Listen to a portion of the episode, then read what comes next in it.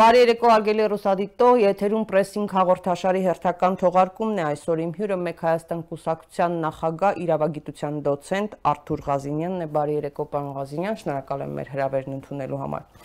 Պարոն Ղազինյան, վերջերս մի հարց էի հնչեցրել Facebook-յան ձերեջում,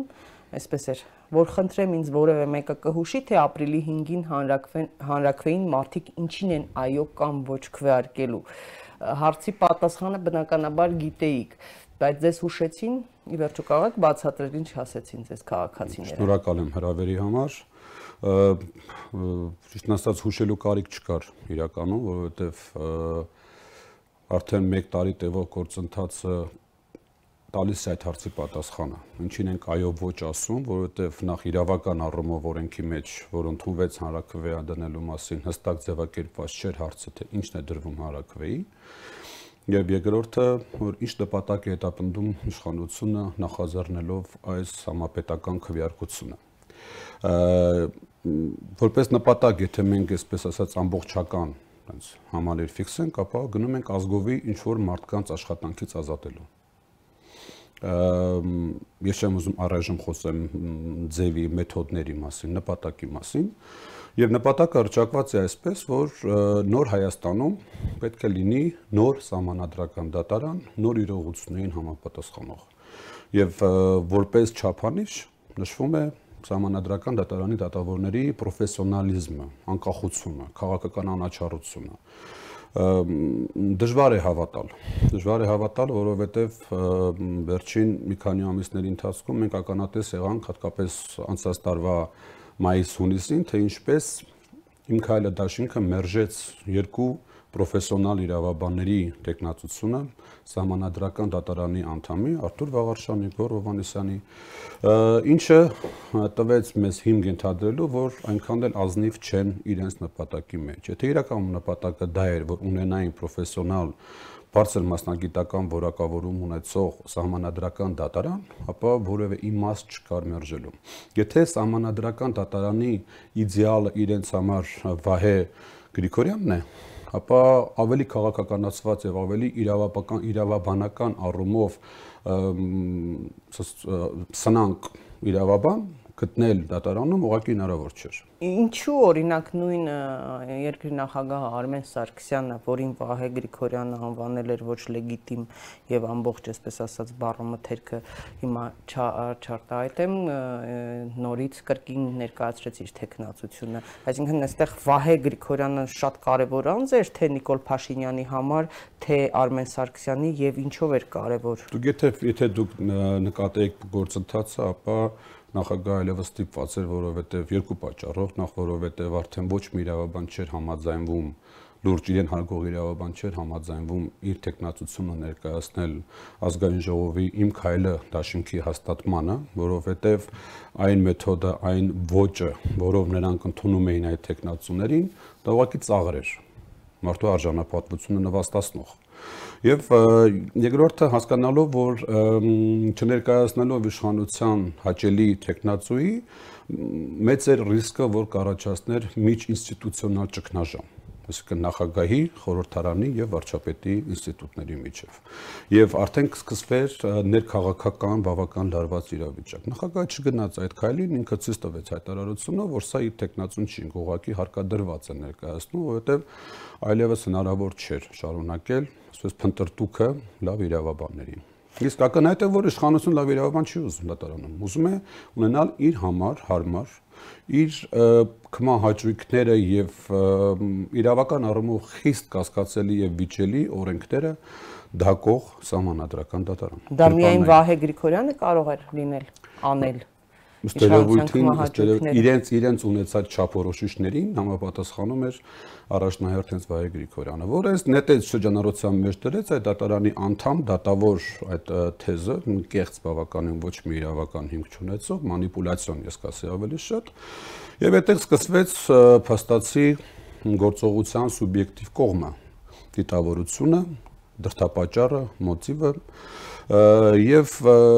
գալով արդեն այս հանրակրվեի նշանակման ձևին բազմիցս նշվել է որ հանրակրվեի նշանակման գործընթացը ընթացել է եւ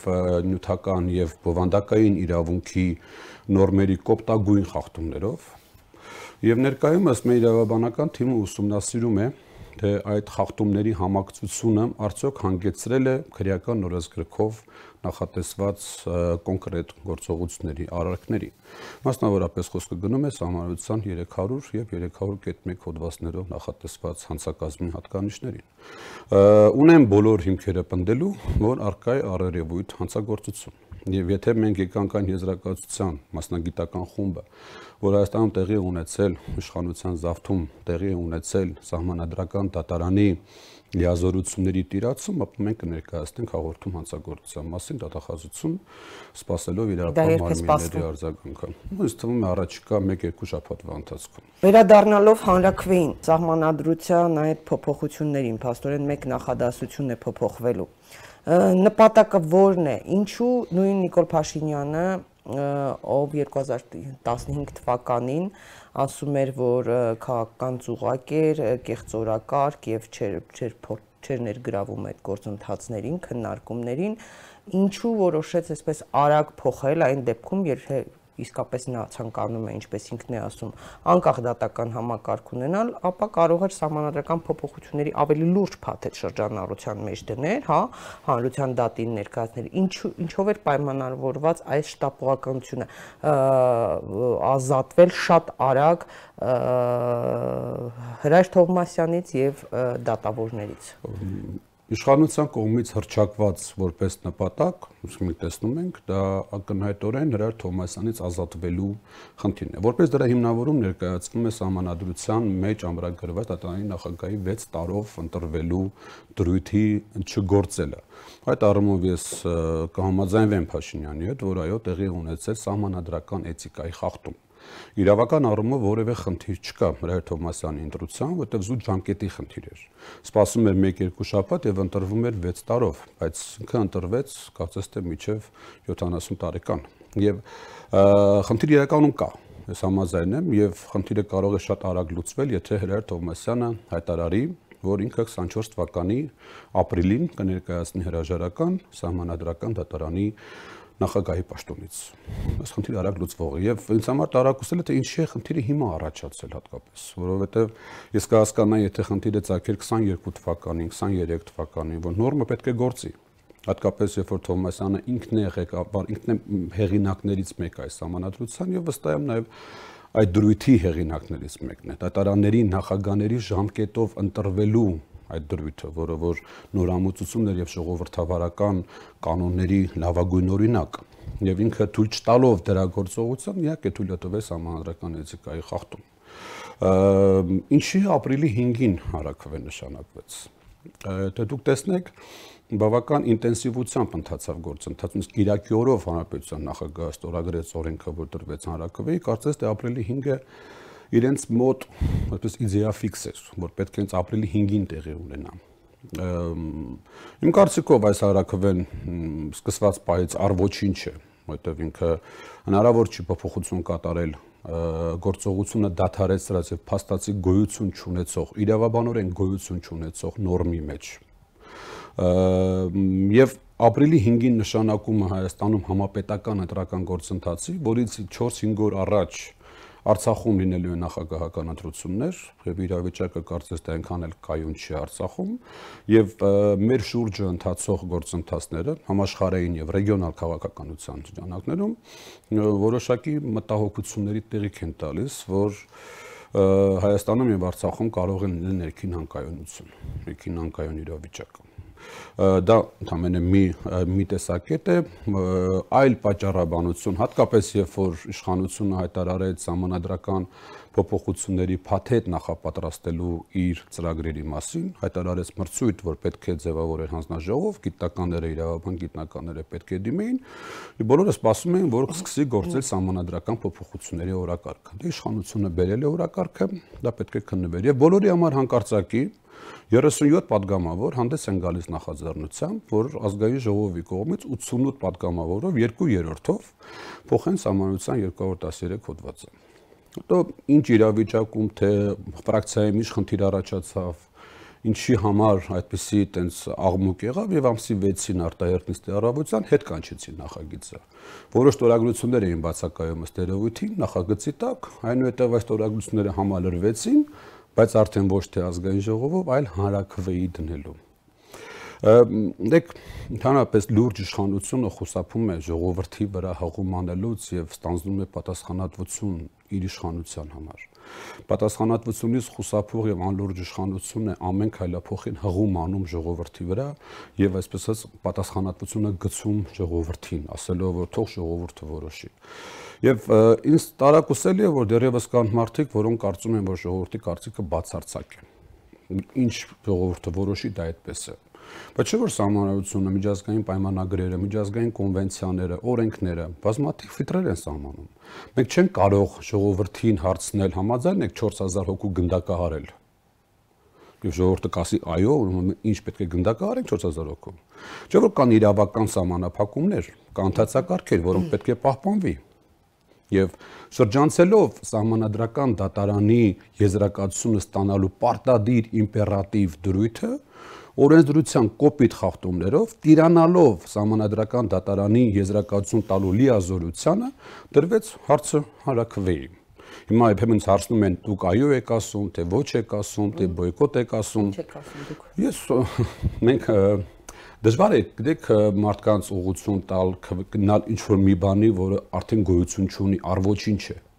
ինչ որ մի պայս ճանաչվելու։ Տվյալ դեպքում նույնիսկ հաշվարկի հարց է, հա։ Իշխանությունը պետք է ապահովի 650.000 ձայն առնվազն։ Նույնս եմ ասում։ 200.000 հոգի կա պետական սեկտորում աշխատողներ, այդ թվում նաև ուսուցիչներ, բժիշկներ եւ այլն, հա զինվորականներ։ Տեսեք, մարդիկ վերադաս վերադասները մարդկանց ասելու են, որովհետև տեսնում ենք, որ նախկին գործիքակազմը հստակ աշխատում է, մարդկանց ասելու են, որպեսի գնան քվեարկեն։ Դա հաշվարկի հարց է։ Մարդիկ պետք է մարդկանց պետք է բացատրել, որ թեկուս սա ինչի համար է արվում։ Մի քանի դատավորից ազատվելու տեսանք չի աշխատում թոշակի ուղարկելու այդ կաշառքի մասին օրենքը, հիմա այս ճանապարհով են անում։ Որքան բյուջեից գումար են ծախսում մի քանի դատավորի աշխատանքից ազատելու համար ու այս գինը վճարվել վճարում է քաղաքացին, պետք է բացատրել։ Տեսեք, քաղաքացին ունի այո դիրքորոշում։ Դա ես հարգում եմ քաղաքացու դիրքորոշումը, կարող է գնալ եւ այո քվեարկել, դա հավատում է իշխանությանը, ինչ ասում է, այսպես ընդունվում է հալածյուղի տեղ, դա նորմա է, դա կանոն է, այսպես հարգելի է։ Ա, ոչը նույնպես հարգելի է, որտեղ պետք է հարգել մարդկանց դիրքորոշումը, որոնք ուզում են ոչ հասել այս իշխանությանը սկսած 18 թվականի ապրիլից, կան այդպիսի մեր քաղաքացիներ, եւ իրենց դիրքորոշումը ես հարգում եմ, առավել ողջունում եւ բրավո եմ ասում են քաղաքացիներին, որոնք ուղակի չեն մասնակցի այս գործընթացին։ Եթե ի վերջո մարդիկ կորոշեն մասնակցել ինչ որ ձևաչափով, այո ասելով ոչ անվավեր եւ այլն, ապա ես խորհուրդ կտամ, որպեսզի մեր քաղաքացիները ընտրատեղամաս մտնելուց հանձնաժողովից պահանջեն 3 փաստաթուղթ։ Այոյի հիմնավորում, ոչի հիմնավորում, սահմանադրական դատարանի եզրակացությունը փոփոխությունների սահմանադրականության վերաբերյալ։ Եթե նրանք այդ 3 օրենքով սահմանված թղթերը չստանան, ապա խորուրդս է եւ հորդորս է վայր դրեք քվեաթերթիկը եւ անմիջապես դուրս եկեք տեղամասից դա օրենքին հակասում է։ Օրենքը պարտադիր սահմանում է այդ 3 փաստաթղթի արկայությունը։ Սահմանադրական դատարանի եզրակացությունը առաջարկող փոփոխության սահմանադրականության վերաբերյալ դա այն երաշխիքն է, որ ամեն ինչ տեղի է ունենում օրենքով եւ իրավունքի շրջանակներում եւ եթե բարձր իրավագիտակցություն ունեցող եւ դասած այդ իրավագիտակցությունով առաջնորդվող քաղաքացիները, որոնք իրականում ցանկանում են գնալ եւ իրենց դիրքորոշումը արտահայտել, ապա գոնե հորդորս է, որ անպայման նայեն եւ այդ երեքը պահանջեն։ Հավաստիացնում եմ, երկուսը կստանան, երրորդը չեն ստանա։ Չկա երրորդ փաստաթուղթը ուղղակի օրենքով դա նախատեսված է, դա պարտադիր է, երևացող տեղում դրված լինի։ Անձնագիրը կտան քաղաքացու բուկլետը կասեն բավարարվեք այսքանով։ Այսինքն սա է դիրքորոշումը, այստեղ ասել մարդկանց ինչ որ մի բան, գիտեք, երբ որ իրավաբան ես, երբ որ ավելի խորությամբ ես ուսումնասիրում եւ քեզ համար կարեւոր են իրավունքի գերակայության սկզբունքը, օրենքի արժե բոլորի հավասարության սկզբունքը եւ օրենքի գերակայության սկզբունքը, ապա դու ուղակի կաշկանդված ես կարծիք հայտնել եւ մարդկանց ուղղություն տալ մի հարցի վերաբերյալ, որը ի սկզբանե գոյություն չունի, հասկանում եք։ Ի սկզբանե Եթե ամեն ինչ այդքան ճիշտ էր, ինչի որոշեցին հարակվեի գնալ։ Եթե ամեն ինչ այդքան ճիշտ էր, այդքան པարզ էր, որ սա ապօրինի գործընթաց է, եւ դրա մասին արդեն որքան ժամանակ է ասում են մասնագետները, ոչ միայն հայաստանյան մասնագետները Արտլև դրցից,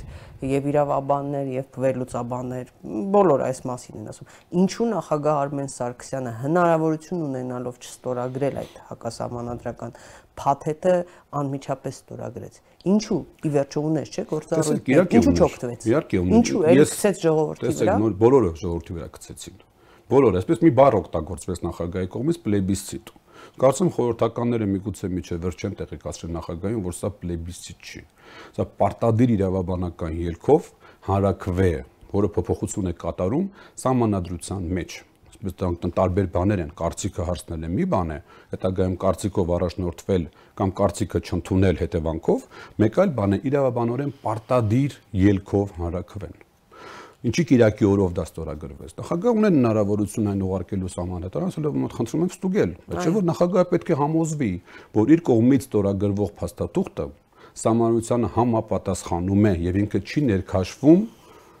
իրավական առումով լուրջ խնդիրներ ունեցող գործընթացի մեջ։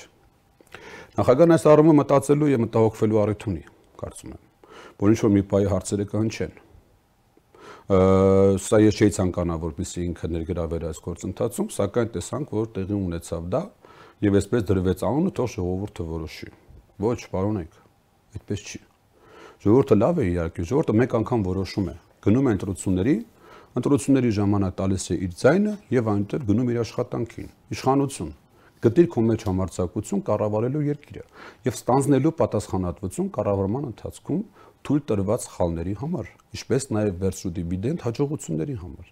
Ամեն քայլափոխին, ամեն բառից հետո հղում անել ժողովրդի վրա, դա իշխանության թուլության, կամային հատկանիշների բացակայության եւ քաղաքական համարցակության բացակայության մասին է խոսքը։ Ո՞վ է Փաշինյանի համար ժողովուրդը։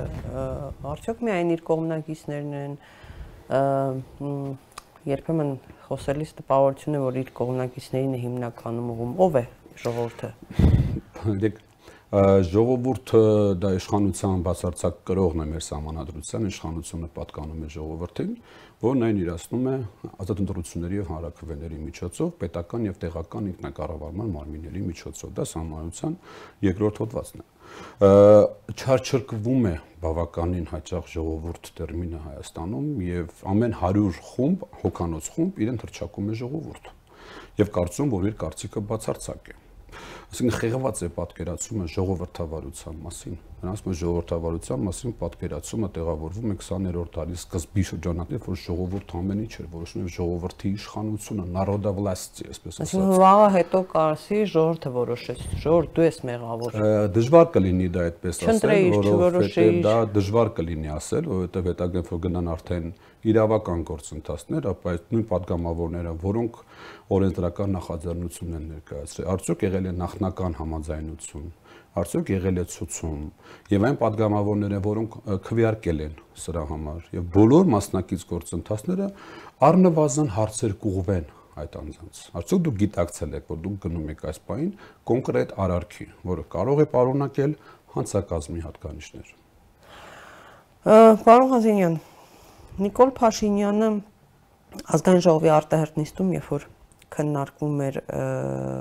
սահմանադրական փոփոխության նախագիծը, ասում է, որ այսписով սահմանադրական այս հանրակրվեին այո ասելով այս process-ի ավարտին մենք կունենանք մի սահմանադրական դատարան, որը չի լինի քաղաքական որևէ ուժի կամ խմբավորման կամ պաշտոնյայի կրնկի տակ, այլ կլինի ժողովրդի առաջ հաշվետու ժողովրդին սահմանադրական բարձրագույն դատականացիան, բայց ոչ ավելի բարձր քան ժողովուրդը որոշ դեպքերում օրինակ եթե հիշում եք 18 թվականի աշնանը նա ամերիկայի միացյալ նահանգներում իր ասաց թե իրեն ասել են որ ներդրումներ չեն լինում խորհրդարանում նախկինների ներկայության պատճառով դրա համար արտահերտ ընտրություն անցկացվեց այդպես էլ բացատրել արտահերտ խորհրդարանական ընտրությունների անցկացումը հիմա փաստորեն սահմանադրական դատարանի կազմն է խանգարում որ ներդրումներ լինեն, որ տնտեսությունը զարգանա, որ քաղաքացիների կյանքը ավելի բարեկեցիկ լինի, որ գնաճ չլինի, որ ՀԴՄ կտրոն խփեն, հա, առաջին հերթին ասում էին ներդրումներ աննախադեպ, տեսնում են ներդրումներ չկա։ Հիմա ասում են ՍԴ ներկայիս կազմն է հիմա խանգարում այդ ամեն ինչին, հա։ Դրա համար է հանրակրվե անցկացնելու։ Ինչի համար է սա արվում։ Իշխանությանը խանգարող հանգամանքները Իշխան շատ են։ ինչով է խանգարում իշխանությանը այս սահմանադրական դատարանը ինչ է ուզում անել այս սահմանադրական դատարանով։ Մի մասը ասում է Ղարաբաղյան հարց, որ կարող է ինչ որ ձևով առնչվել սահմանադրական դատարանի հետ եւ սահմանադրական դատարանը պետք է իր եզրակացությունը տա։ Մի մասը ասում է Ստամբուլյան կոնվենցիա, մի մասը տարբեր բաներ են ասվում իշխանության պահելու միջոց գործիք ամենակարևորը գործող իշխանությունների համար ո՞րն է։ հարցը երևի ինձ պետք չի ուղղել, պետք է ուղղել իրենց, որովհետև այն որ դուք նոթ թվարկեցիք, կարդացիք են պատճառները, այդտեղ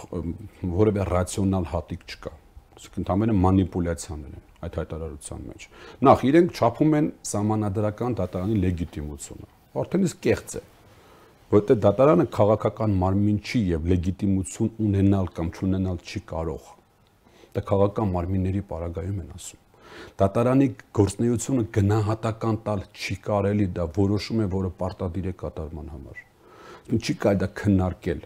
որոշել լավ է թե վատ է, ճիշտ է թե սխալ է։ Դա իմպերատիվ մարմին է դա մասնագիտական կառույց է։ Դժվար են հասկանում մեր իշխանությունը, իհարկե, այս པարզ, այս պրիմիտիվ տեսը եւ իրենց կարծիքով համանadrական դատարանը լեգիտիմության խնդիր ունի։ էս է մակարդակը։ Հիմա ինչ վերաբերվում է պատճառի ներդրումներ չեն գալիս եւ այլն, իսկ միգուցե պատճառը իրենց մեջ փնտրեն։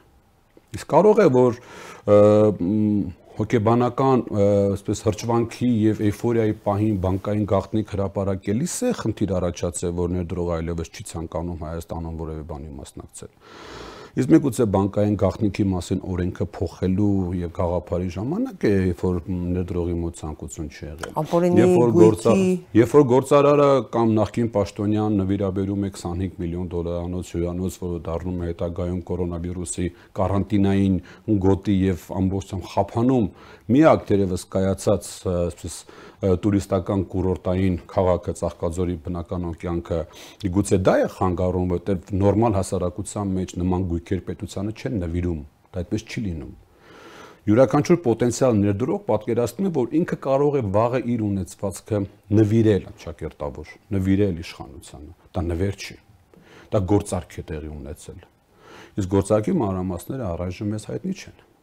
Ներդրումները չգալու համար նախ պետք է ունենալ քաղաքական կայունություն, մրցակցային համակարգ, գործող իրավական դաշտ, ներդրումների երաշխավորման ինստիտուցիոնալ համակարգ։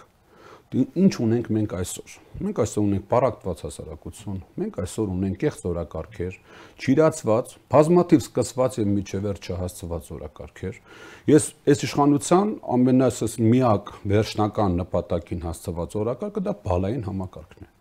Այս երկու տարվա ընթացքում իշխանությունը ինչ աշխատում է միակ հաջողված իրենց ավարտած հաջողվածը խիստ հարաբերական դա բալային համակարգն է չկա որևէ այլ ռեֆորմ Հաջողված է դա։ իմ կարծիքով ոչ իմ կարծիքով ոչ չի կարելի նման բան անել երբ որ դու ճունես համապատասխան ճանապարհային կանոններ երբ որ ճունես ճանապարհային ծածկույթ երբ որ ճունես նշաններ երբ որ ամեն ինչ այդքան հստակ չի դնել մեր քաղաքացիներին որոնք իրենց հանապազորյա հացն են վաստակում այդ տաքսով վարորդներին կամ սովորական ասենք աշխատավարձով նվազագույն բավական ծանր վիճակում գտնվող քաղաքացիներին անընդհատ տուգանքների ապա նաև բալային համակարգի, որը շատ արագ կարող է սպառվել, իհարկե դա իմ կարծիքով, իմ կարծիքով ժամանակավրեպ էր եւ միջև վերջ չհաշվարկված։ Հիմա արդեն խոսում են թող գա ժամանակը կհասկանանք, դա կփոխենք եւ այլ։ Չեմ ուզում խոսել բալային համակարգի, դրա մասին բազմիցս խոսվել է։ Բայց որպեսզի իշխանության բնույթը հասկանանք, իրենք այսպես օրակարգեր սկսում են, այնուհետև մոռանում այդ օրակարգերի մասին։ Մոռանում։ Դե սպանդանոցները մարդկանց բան արեցին, հետո թողեցին։ Էլի կիսա թողեցին։ Մեքենաները աչղեկով հիշում եք նորից էլի փոխեցին օրենքը։ գումար ծախսվեց, մաքսատունը կառուցվեց, հա, ա, ու պարզվեց, որ դա այլևս չի աշխատելու ԵԱՏՄ-ի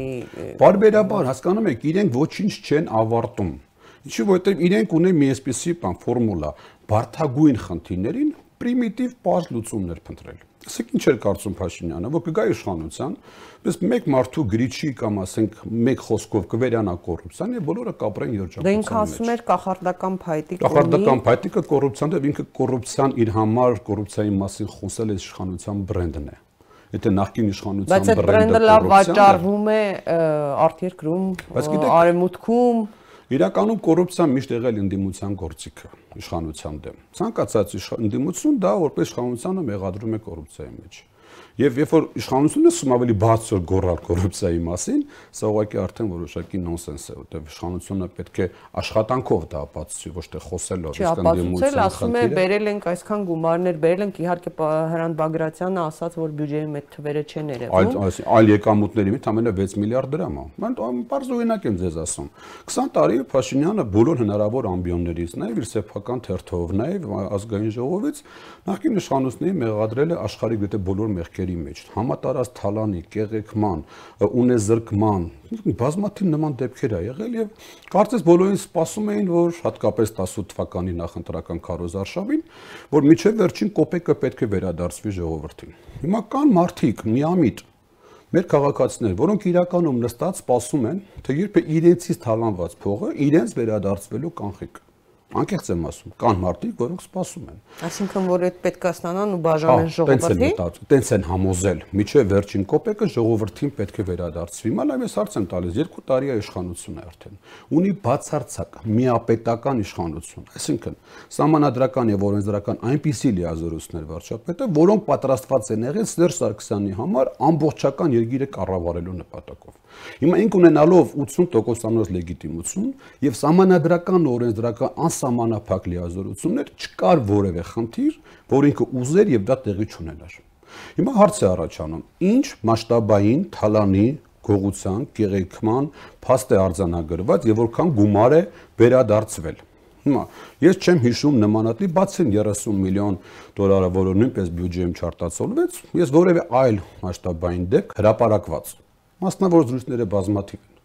Լսում ենք տարբեր զրույցներ, տարբեր, ասես, օթում կախված պայմանական իր լեզվով ասած, օթում կախված լուրեր, որ կան որոշակի ստվերային պայմանավորվածություններ, կան գործակներ, որոնք արտացոլված չեն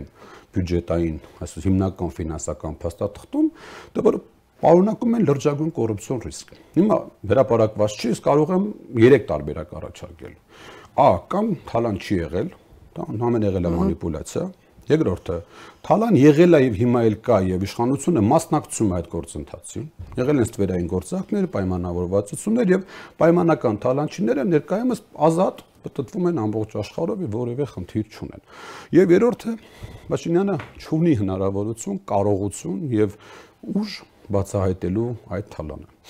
Հիմա պետք է ընտրի այս երեքից որևէ։ Եթե կա 4-րդ տարբերակ, ուրախ կլինեմ լսելու, խորհուրդ կտամ, որ ընտրի երրորդը։ Եթե երրորդը ընտրի, պետք է խոստովանի, որ ինքը չի կարողանում։ Ուղղակի չի կարողանում դա անել։ Չունի այդքան իրավական, քաղաքական, օրենսդրական, ընթացակարգային հնարավորություններ դա անելու համար։ Սա է խնդիրը։ Թող པարզ խոսեն մարդկանց հետ։ Երկու տարվա ընթացքում ներքաղաքացիներն նստած սպասում են։ Չկա։ Մեզ ասում են ինչ-որ տարբեր այդ գումարները զենքեր են առնում, ինչ-որ տոն, բայց դա կարելի է հրապարակել, դա կարելի է պաշտոն, որպեսզի հանրային վերահսկողություն հաստատվի ինչ է վերադարձվել, ով է ինչքան վերադարձրել։ Ավելին ի վերջո, եթե նույնիսկ հիմա որևէ հյուրանոցա կամ ինչ որ շինությունա վերցնում են մարդուց, վաղը այդ մարդը այդ մարդու ժառանգները կամ այդ մարդը կարող է հետ վերադարձնել։ Ի վերջո իշխանությունը հավերժ չէ եւ դա մտանելու է որպես բեր պետության վրա, որովհետեւ դա ապօրինի գույքի բռնա հանձման մասին օրենքին եմ ուզում խոսել։ հա։ Այդ օրենքի մասին եմ ուզում խոսենք, սրավտանգների մասին, թե ներդրողների համար, հետագայում ապագայի ներդրողների համար արդյոք այդ պայմաններում որևէ մեկը այստեղ ներդրում կկատարի եւ նաեւ ինձ համար չափազանց կարեւորը ներսի ներսի ներդրողների միայն մենք խոսում ենք արտաքին ներդրողների մասին, բայց հենց ներսում մարդիկ, որ ովքեր բիզնես են նախաձեռնում, ինչ որ բան կառուցում, անում, կարող կանեն, թե ինչի կբեր բերի սա այս օրենքի ընդունումը։ Սա ներքին կոնֆլիկտոգեն իրավիճակի սրման մեծ վտանգ պարունակող օրենսդրական նախագիծ է։ Նպատակը հրճակված ինչ որ չափով հասկանալի է, որ այո, եթե եղել է որևէ ապօրինի ցակումով գույք եւ նրանք հողում են անում միջազգային տարբեր կոնվենցիաների փաստաթղթերի, բայց ազնիվ չեն նորից էլի նորից էլի ազնիվ չեն, որովհետև այդ միջազգային օրենսդրությունը ապօրինի գույքի բռնագանձման դատարանից առանց մեղադրական ակտի բռնագանձման ընթացակարգը սահմանում է միջազգային ցանցային բնույթի հանցագործությունների արդեն արկա հաստատված մեղադրական ակտի պայմաններում այդ անձի աֆիլիացված սուբյեկտների գույքի վերաբերյալ։ Այսինքն եթե պայմանական ինչ որ մեկը մեղադրվել է փողերի լվացման մեջ, մեղքը հաստատված է, մարդը դատապարտված է։ Նրա մերձավոր ազգականներին, ընկերներին կանչում եւ հաշտում են գույքը քեզ որտեղից։ Եթե չի կարողանում հիմնավորել, թե գույքը իրեն որտեղից, դա համարվում է արդեն հաստատված փողերի լվացման շրջանակներում ձեռք բերված գույք եւ արդեն ենթակա է ինքը բռնականցման։ Բայց մեզ մոտ Հայաստան նորից էլի խեղվել է։ Իրենք իրենք ազնիվ չեն։ Իրավաբանները, որոնք այսօր իշխանության մեջ են, միջև վերջ չեն զեկուցում Փաշինյանին միգուցե, որ մենք մի քիչ ուրիշ ձև ենք դա պատկերացնում եւ այս օրենքը, որ մենք սահմանել ենք, ինքը աբսոլյուտ ունեզրկման եւ մեծ շահարկումների եւ անորոշության տեղիք տվող օրենսդրական ակտ է։ Ընդ որում դա միայն մեծահարուստներին չի վերաբերվելու 91 թվականից իջեմ սխալվում կարծեմ ինչ որ նման թե որ այնպես չի որ միայն պատկերացնում եք 2000 թվականին տուն ձեռք բերած մարդուն ասենք քո եկամուտը որտեղից մենք պետք է 2000 թվական 20 տարի առաջ կա Հայաստանի Հանրապետություն որևէ մեկը որ կարող է 2000 կամ 98 կամ 2003 թվականի եկամուտների տեղեկանք ցույց տալ կարող եք դուք գտնել մեկ մարդու որը օրինական ցույց տա եկամուտը իրեն որտեղից դուք ինչի մասն եք խոսում ասա ռումբ է որ դրվելու է հասարակության ներքին կայունության հիմքում։ Դա դա պայթելու է, դա պայթելու պարագայում, երբ որ դու գնում ես մարդու ձեռքից վերցնելու իր տունը, որտեղ ինքը ապրում է, դա չի ներվում։ Դա չի ներվում։ Վտանգը շատ մեծ է այստեղ։ Իշխանությունը պետք է ցուցաբերի սոցիալական պատասխանատվություն, նաև ներքին կայունության համար, չէ՞ որ իշխանությունը բոլորի իշխանությունն է Դուք պատկերացնում եք, եթե Միացյալ Նահանգներում որոշեին, ասենք, մեծ մեծ դեպրեսիայի ժամանակ ձեր բերած գույքերի օրինականություն ստուգել կամ եվրոպական որևէ երկրում որոշեին գնալ եւ ցակում հասկանալ թե նախնական նախնական կապիտալի կൂട്ടակումը ցակումը որտեղից է։ Դասավարում բոլորը բանտում կլինեին։ Հիմա իշխանության խնդիրը ո՞րն է։ Համաներում էր լինում, այսպես ասած, ճակատավոր եւ ասում նրանք ճանաչում էին, ասում են մենք գործ ունենք այս իրավիճակի հետ։ Իհարկե, երբ որ դուք արդեն սկսում եք նախնական կապիտալի կൂട്ടակման փուլը որպես կանոն վիճահարույց ու կասկածելի է։ Հեղափոխություններ պատերազմ տարած երկրներում այդպիսի իրավիճակներ էր միշտ։ Սա սա ուղղակի հասկանում թե իշխանությունը ինչ նպատակ է հետապնդում։ Դա նպատակը հասարակության մեջ կոնֆլիկտների առաջացումն է եւ արտա իրավական, ասենք օրենսդրությունից դուրս այլ դաշտում եւ այլ մեթոդներով հարաբերությունների բարձելը, հապա մենք այս օրենքը շատ լավ հնարավորություն դրան կտա, որպեսզի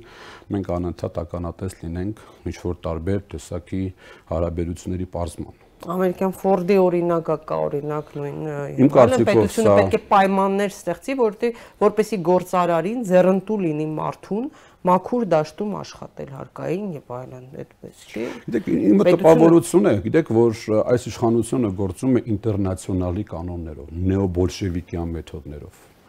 Այսինքն ինչ է հին աշխարհը մենք քանդենք հիմնատակ, չէ, երբ որ իրենք երեք հիմնական սկզբունքները, որ ինչ եղել է մինչև մեզ, դա գոյություն չունի, դա ամեն ինչը սխալ է եւ պետք է փոխվի։ Մենք ինչ անում ենք, ամեն ինչ ճիշտ ենք անում եւ ամեն ինչ սկսվում է մեզնից։ Ամեն ինչ սկսվում է մեզնից դա թյուր պատկերացում է իրականում, այսինքն նույնիսկ դա տարածվում է Արցախյան հերոսամարտի վրա։ Նույնիսկ կան որոշակի էլեմենտներ շերտեր իշխանության մեջ, որոնք նաև Արցախյան հաղթանակն են համարում սխալ թե ես չգիտեմ, ասինքն հանուն ոչինչի եւ այլն արտահայտություններ են գնում Արցախյան հերոսամարտը ստորադասվում է հեղափոխությանը, անհասկանալի բաներ են կատարվում եւ մարտական ճանապարհ անցած զինվորականներին, գեներալներին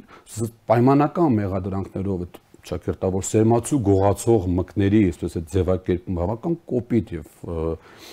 կարծիքով չհիմնավորված, չարթարացված ձևակերպումների պարագայում սկսում են այդ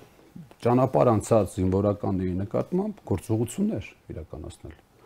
Սա սխալ պատկերացում է։ Իրականում եղել է կյանք եւ եղել է բավական արդյունավետ կյանք 90-ականների մենք ունեցել ենք հաղթանակներ, մենք կարողացել ենք կերտել պետականություն, պետական եւ ազգային ինստիտուտներ,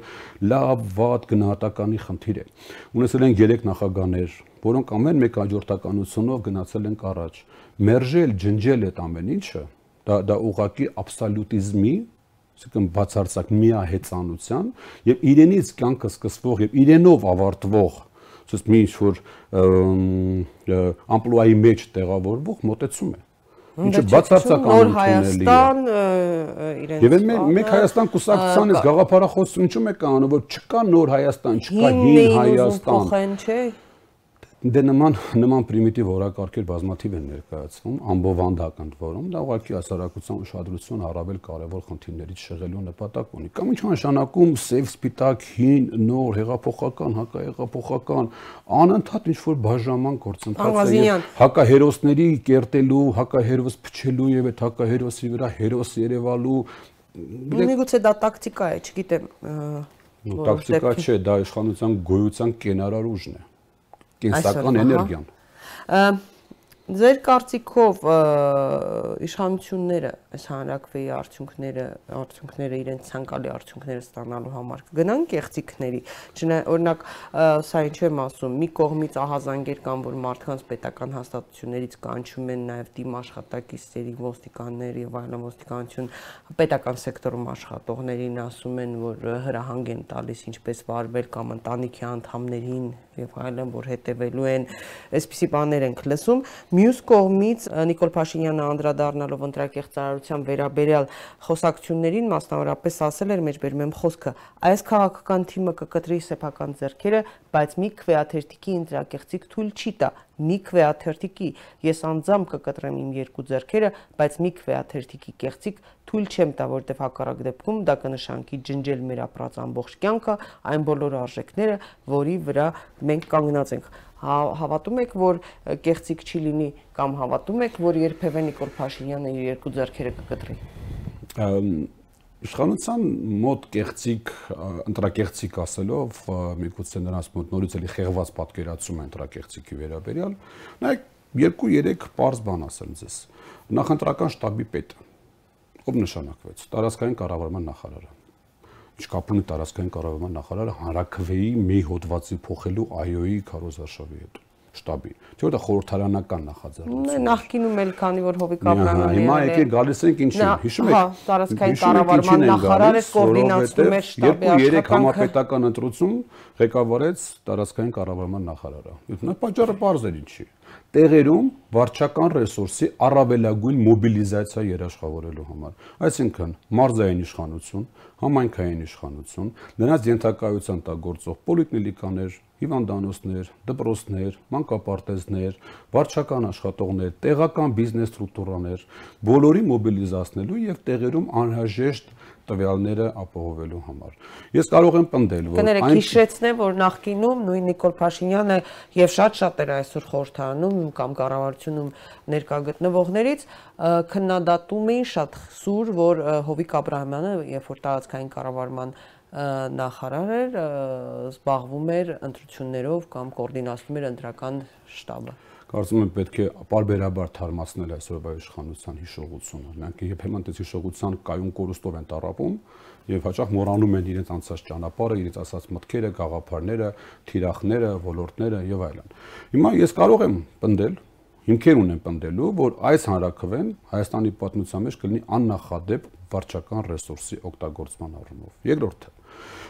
տեղամասերում տեսախցիկներ տեղադրվելու են թե ոչ։ Հարց Էդմոն Մարուկյանը այդ հարցը բարձրացրել է։ Տեղադրվելու են թե ոչ։ Ես լսեցի Մուկուչյանի հայտարարությունը, որ տեխնիկապես դա հնարավոր չի ժամանակային առումով։ Ուզում եմ իրոք հարց առաջանա։ Իշմ է Գալուսահակյանն ասեց գեղի հարցները կամա չեն կան քվեարկելու։ Մոտավորապես նույն սինդրոմով տարապում է նաև այսօրվա իշխանությունը գեղի հարցների մասին մտածելով տեղամասերում տեսախցիկներ տեղադրելու կոմպլեքս ունեն։ Ինչ է դա նշանակում, այսինքն դուք հայտարարել եք, դուք մշակել եք տեխնիկական առաջադրանք, հայտարարել եք մրցույթ, մրցույթի մասնակիցներն ասել են, որ դա հնարավոր չի։ Կա այդ 3 գործողությունն արված է արդյոք։ Ինչ հիմքով է կենտրոնական ընտրական հանձնաժողովի նախագահը հայտարարում, որ դա ժամանակային առումով հնարավոր չէ։ 1 Եվ երկրորդը, ընտրա ընտրողների ցուցակը կհրապարակվի թե ոչ։ Հետո ընտրողների արդեն ովքեր ընտրել են ցուցակները կհրապարակեն թե ոչ։ Որտեւ հարակվի պարագայում հիմնական խնդիրը մասնակցությունն է։ Մասնակցությունը ոչ թե այոյի քանակը կամ ոչի քանակը։ Եվ նաև ինտրիգան, ինչը կտանի մարդկանց տեղամաս։ Ինտրիգա կարծես թե չկա։ Այսինքն չկա հենման կետը, որի վրա կառուցվի այոյի քարոզարշավը, ինչին պետք է այո ասեն։ Իրենք նույնիսկ չեն էլ ասում, թե ինչին ասում են այո ասենք հեղափոխությանը։ Վաղուց դա այո ասվել է դա վերջացել այլևս։ Դուք հեղափոխական չեք, դուք այլևս իշխանություն եք, բան եք։ Փողոցից տուն եկեք, տուն եկեք եւ աշխատեք, ձեր խնդիրը է սպարագայում, ոչ թե խնդիրների մասին անդադար ու անverջ խոսելն է, այլ խնդիրներին կոնկրետ լուծում առաջարկելը։ Պարբերաբար մոլորվում եւ մոռանում են, որ իրենք իշխանություն են։ Դե օրինակ Նիկոլ Փաշինյանը տարբեր առիթներով դժգոհել է պետական համակարգի աշխատողներից, կադրերից, բարբերաբար հայտարարում է նույնիսկ վերջերս էլ նիստում հայտարարեց կառավարության եւ դժգոհեց պետական համակարգում աշխատող կադրերից նույնիսկ նախարարներին առաջարկեց այդ մարդկանց գտնել եւ դիցքաթափվելու հնարավորություն տալ թող գնան մաքուրոտ շնչելու ուրիշ զբաղմունք գտնելու իսկ Վրաստանում էլ հայ հանրության հետ հանդիպման ժամանակ հիշում եք Փաշինյանը հայտարարեց թե նույնիսկ Հիսուս Հիսուսը ի վիճակի չի եղել անդավաճան կադրային քաղաքականություն վարել անընդհատ այսպես մեղադրանքներ է հնչում հիշում եք նաև երբ որ հայտարարեց թե գախնի փաստաթուղթ է գտնել գտել լինելու պետություն հա ձախողված պետության մասին։ Սա ինչի մասին է խոսում։ Ստալինը ասում էր կադրերը որոշում են ամեն ինչ։ Հիմա մեր երկրում ինչ որ բան այնպես չի ստացվում կամ երբ որ ինչ-որ բան ով է մեղավոր վարչապետը կադրերը խորհրդական նախկինները թե պարզապես նախկինները դարձվում են խավության նոխազ այսպես կերակրում են ժողովրդին ինչ որ գաղափարներով սխալը որտեղ է ինչու չի աշխատում համակարգը իշխանությունները մարդկանց մեղադրում էին նաև որ սաբոտաժ են անում իբրև պետական հաստատությունում աշխատողներին այդ մարդիկ էլ ասում էին մարզնավոր զրույցներում որ երբ որ ղեկավարը չգիտի ինչ է ուզում շատ դժվար է կատարել որևէ հանձնարարական, հա, չեն ձևակերպում, ինչ են ուզում, խնդիր չի դրվում մարդկանց առջև։ Հիշում եք հայտնի ասած ֆասկը, չէ, լավ բարողի խանգարող հանգամանքների վերաբերյալ։ Հիմա ես ուզում եմ հասկանալ, ինչքան խանգարող հանգամանք ունի այս իշխանությունը։ Անընդհատ մեղավորները փնտրում եւ մեղավոր նշանակում Էլ պետական կառավարման համակարգը մեղավոր դարձավ։ Էլ նախկինում խորհրդարանում ներկայացված հանրապետական պատգամավորները մեղավոր դարձան։ Սահմանադրական դատարանը մեղավոր դարձավ։ Բոլորը եւ ամեն ինչ մեղավոր են։ Բնակ կլիմայական պայմանները մեղավոր կլինեն շուտով, աշխարհակաղակական վիճակը մեղավոր կլինի շուտով։ Տեսել եք, որ մեկը գրառում էր արել, որ կորոնավիրուսը բերել են, ներմուծել են լրագրող բավական հայտնի որ բերել են հակահեղափոխականները, որպեսզի խանգարեն բանին հանրակրվեին։ Ես խորհուրդ կտամ ձեր մասնագիտությունը չվիրավորել եւ նման մարդկանց լրագրող չհամարել։ Մատ լավ բառ կար ընկճախտի մեջ գտնվող մարդկանց ցիտելը մեր մեր գործը չի։ Ոնց որ հասկացաք ում մասին խոսքը կարդացել եք։ Բազմատիվ նման նման մարազմատիկ մտքեր են հնչում եւ մարդիկ այսօր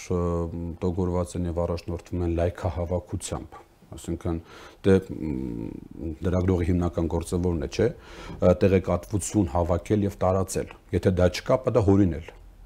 մի բան տալ, անցած թերթի վաճառ կապահովել։ Չէ, հիմա ես լրագրողների լրագրողից խոսք վերջվերեցի, պարոն Ղազինյան, բայց դա շատ գործիչներից ենք լսել, այս կորոնավիրուս, այսինքն անլրջացնել, երբ որ ամբողջ աշխարհում այսօր արդեն կարդացի, որ մեկ զոհ կա կորոնավիրուսից Միացյալ Նահանգներում, նահանգներում էլ անդադ լսում ենք այս տեղեկատվությունը, մեկ էլ սպիսի բան են, կարծիք են ասում հակահեղափոխականները բերեցին կորոնավիրուսը Հայաստան, որ խափանեն հանրակրվեն։ Կարծես իրենք շատ ուզում են դա անցկացնեն, ասենք հակահեղափոխականները դա ուզում են խափանել։ Չեն ուզում անցկացնեն։ Իսկ կարծում եմ առաջիկայում մենք հասկանանք ուզում են թե ոչ։ Գոնե այս պայդրությամբ առանձնապես մեծ էնտուզիազմով չեն տարապում։ Դե վաղ է սկսել բանը։ Ինչի՞, բայց ամսում քանից է սկսվեք հարոզարշավը Հայաստանում։ Հասկանում եմ ժամկետների առումով սկսված է, բայց ինչքան ժամանակ է անցել եւ ոնց որ թե չկա։ Դե ինչու բուկլետները բաժանում անձամբ վարչապետը գնում է, խոսում է, լայվ է մտնում մարդկանց տալիս է սելֆի է լինում։ Նորից էլի բովանդակայի մենք չունենք այսօր որևէ դիսկուրս հասկանալ, թե ինչի համար եւ ինչ են քվեարկելու եւ ինչին ենք այո կամ ոչ ասելու։ Փորձ է արվում հերթական անգամ այո հեղափոխությանը ոչ նախկիններին այլն, բայց դա որևէ առնչություն իմ կարծիքով չունի դրված օրակարգի հետ։ Նույնիսկ էլ մեղավոր նշանակելու։ Դե ուժեղ ուժեղ իշխանությունն է համարցակություն գտնում ստանձնել իր սխալի համար սեփական պատասխանատվությունը։ Թույլ իշխանությունը, թույլ մարդը մշտապես մեղավոր է փնտրում։ Ինքը չի մեղավորը։ Մեղավոր են բոլորը, ամեն ինչ։ Թույլ մարդ է Նիկոլ Փաշինյանը։ Ես նման գնահատական չի ցանկանա տալ այսինքն անձնական որակներին գնահատակալ ես իշխանության մասին եմ խոսում ընդհանուր հավաքական իմաստով եթե իշխանությունը ամուր է պինդ է եւ քաղաքական է ամենակարևորը ապա իհարկե կա սխալներ եւ սխալների համար իշխանությունը պետք է ստանձնի քաղաքական պատասխանատվություն ընդունի այո սխալվել է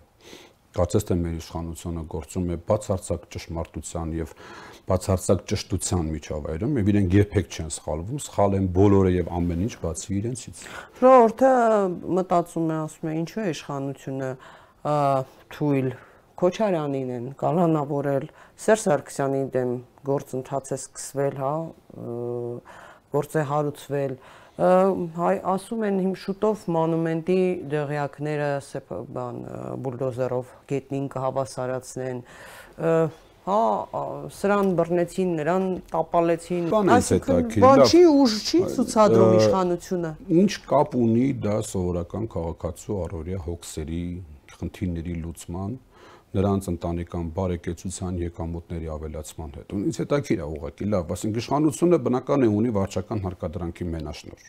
Կարող է ձերբակալել կանոնավորել ցանկացած մարդու։ Կամ մի խոս չէ, տվեք ինձ մարդուն կգտնեք մենք հոդվածը։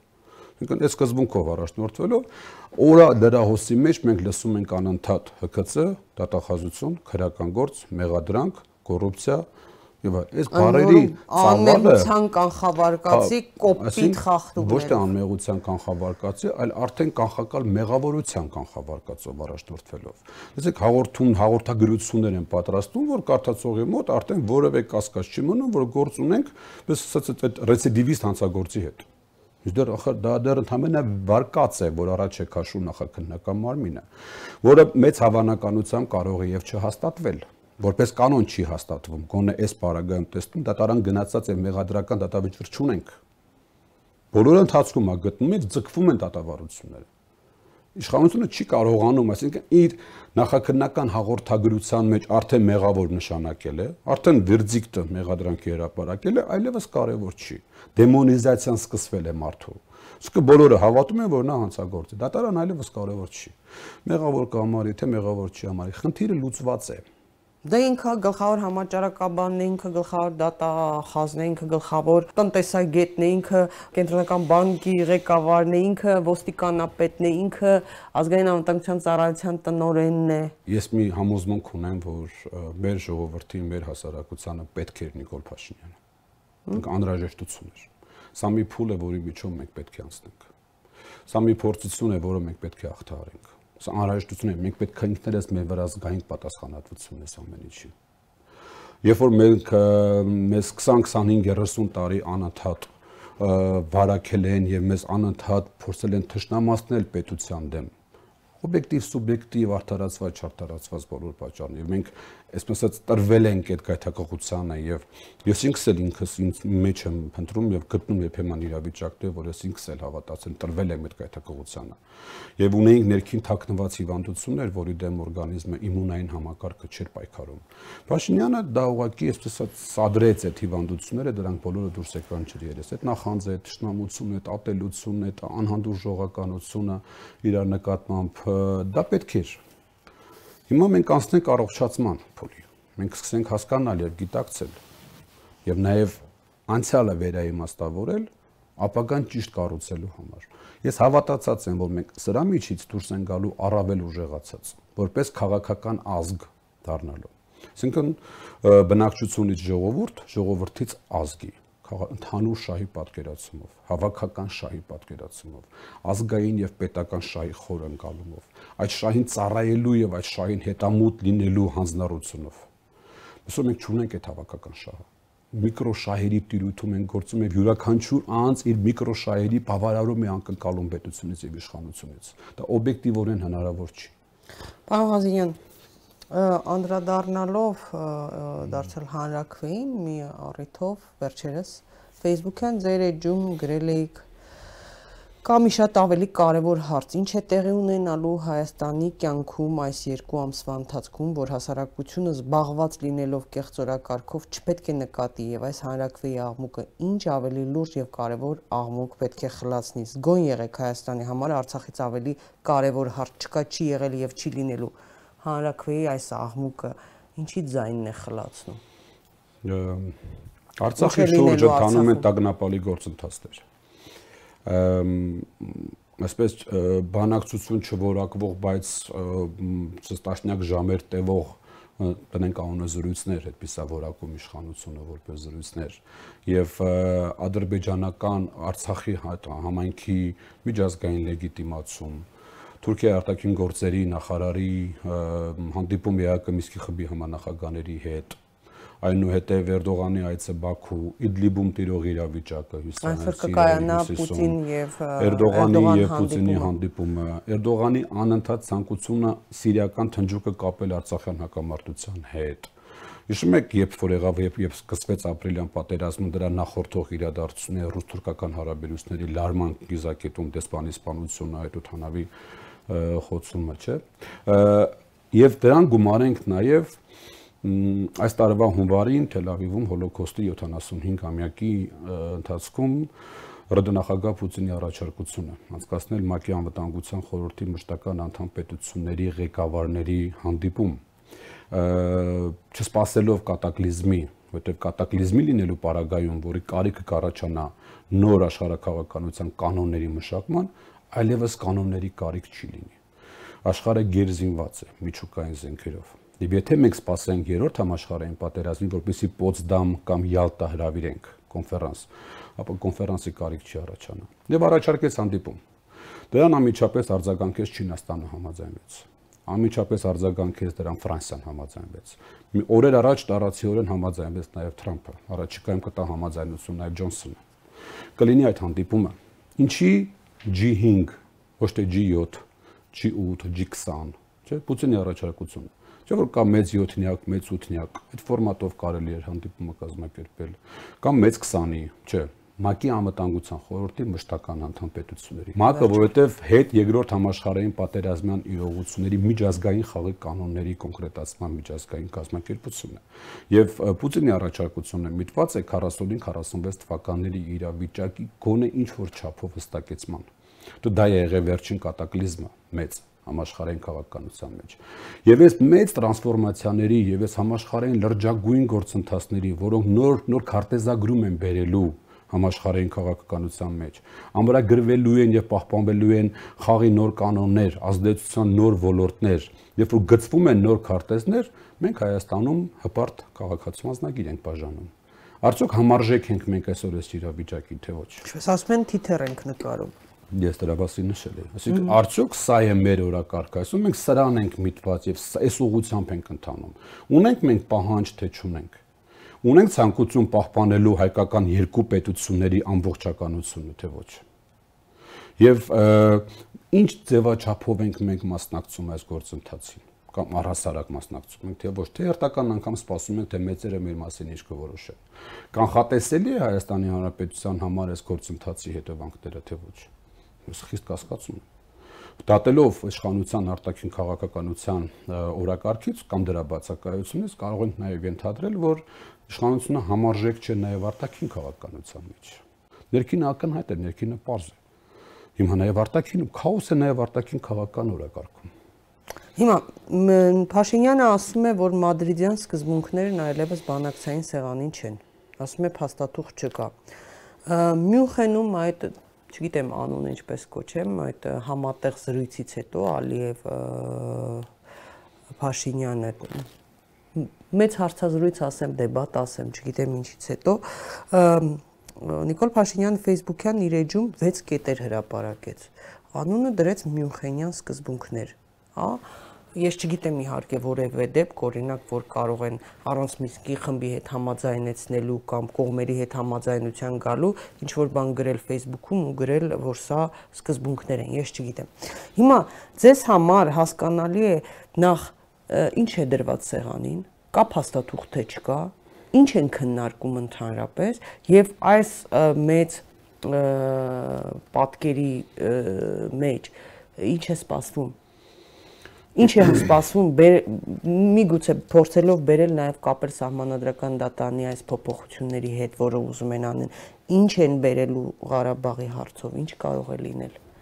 վերադառնանք միջ ավելի վաղ դեկտեմբերին Բրատիսլավայում կայացած հանդիպումը հարկոս նախարարների, երբ որ Մամեդզարովը ադրբեջանցի լրագրողի հետ ռուսերեն լեզվով հարցազրույց տվեց։ Ակնհայտ դա ուղղված էր հայկական լսարանին։ Եվ այնտեղ հրապարակեց ինչ-որ դետալներ,